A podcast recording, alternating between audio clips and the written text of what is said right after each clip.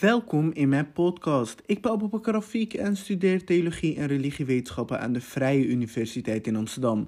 In deze podcast ga ik het hebben over de uitstroom van Marokkaanse Joden naar het buitenland na de Tweede Wereldoorlog. Volgens de World Organization of Jews from Arab Countries zouden er in 1948 ruim 265.000 Joden in Marokko wonen, terwijl dat er tegenwoordig ongeveer nog maar 2000 zouden zijn. Hoe is dat nou eigenlijk mogelijk?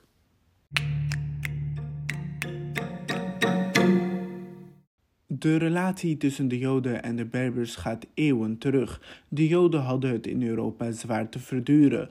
Onder het Visigotische bewind in Hispania werden de Joden vervolgd omdat ze een coup zouden proberen te hebben gepleegd. In zijn boek Geschiedenis van Marokko en Noord-Afrika zegt Sofyan El-Kandoussi dat er toen der tijd wetten werden ingevoerd waardoor de grond van Joodse grondeigenaren in beslag werd genomen. Joden werden als slaven genomen door de christenen en de Joodse kinderen die ouder dan zeven jaar werden, werden uit huis geplaatst en christelijk opgevoed door de staat. Zo stond er in artikel 8 van het Visigotische wetboek in 694 na Christus het volgende.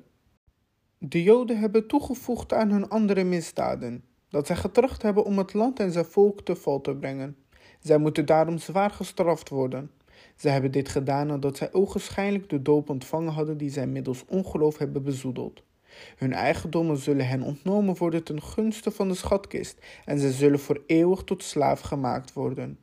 Degenen aan wie de koning hen als slaven zendt, moeten waken dat zij niet langer de Joodse gebruiken mogen praktiseren en hun kinderen moeten vanaf zeven jaar oud gescheiden worden van hun ouders, waarna zij vervolgens moeten trouwen met christenen.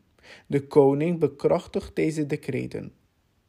Over deze poging tot een coup zegt historicus Heinrich Gretz dat de Joden contact hadden gemaakt met de moslims uit Noord-Afrika voor hulp tegen de onderdrukking van de katholieke Visigoten. Na de verovering van Hispanië genoot de Joodse minderheid veel vrijheid, welvaart en ruimte in het islamitische Andalusië. Er was zelfs een Joodse minister van Buitenlandse Zaken genaamd Hasdai ibn Sharput. Ook bewijst het wereldberoemde citaat van de Marokkaanse sultan Mohammed V tijdens de Tweede Wereldoorlog de harmonie tussen de islamitische leiders en hun Joodse onderdanen. Zo zei de sultan tegen de naties: Alle onderdanen beschouw ik als mijn kinderen. Dat geldt ook voor de Joden. Einde citaat. Daarnaast vraagt hij de onderdanen de Joden goed te behandelen. Maar vanwege de Franse kolonisatie worden er alsnog honderden Joodse ambtenaren ontslagen en vaak zelfs vervolgd. Ook neemt het antisemitisme toe in het land waar de Joden al duizenden jaren leefden.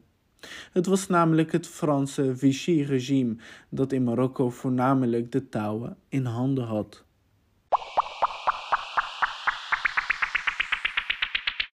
Na de Tweede Wereldoorlog in 1948 is in Palestina de staat Israël gesticht. In de Arabische wereld kwam dit echter aan als een shock en werd er een oorlog gevreesd, wat later ook echt uitbrak. De geheime dienst van Israël, de Mossad, voerde een campagne om zoveel mogelijk Joden te laten verhuizen naar de nog pas gestichte staat.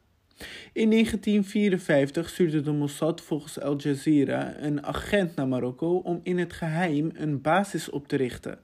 De Mossad maakte Marokkaanse Joden bang dat Marokko ze zou vervolgen nadat ze onafhankelijk zouden worden van Frankrijk en tegelijkertijd probeerde Israël zijn populatie op te vullen. Mossad-agenten organiseerden in het geheim zogenaamde vluchtroutes vanuit Marokko naar Israël.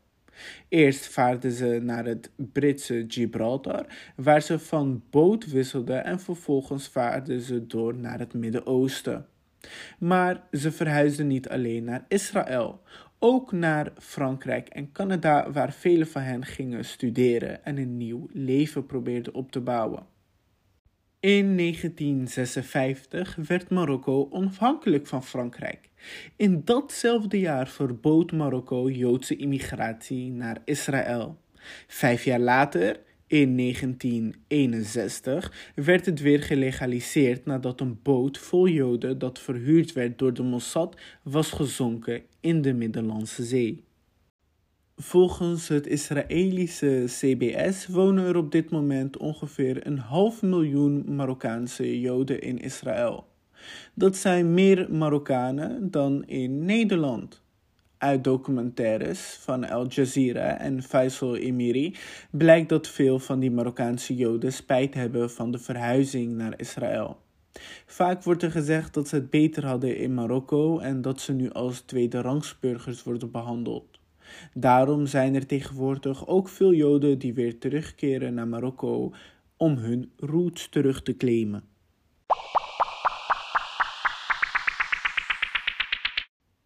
De Marokkaanse Joden hebben het zwaar gehad onder de kolonisatie door de Fransen in Marokko. Velen hebben hun banen kwijtgeraakt en zijn vervolgd en gediscrimineerd door de Franse militairen. Dit in combinatie met de Mossad, die een gehele campagne had opgezet, was voor de gemiddelde Marokkaanse Jood genoeg om een levensveranderende beslissing te nemen, namelijk om te emigreren naar het buitenland. De Marokkaanse Jood heeft opnieuw een exodus meegemaakt.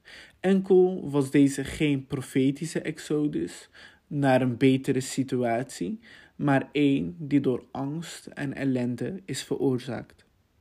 you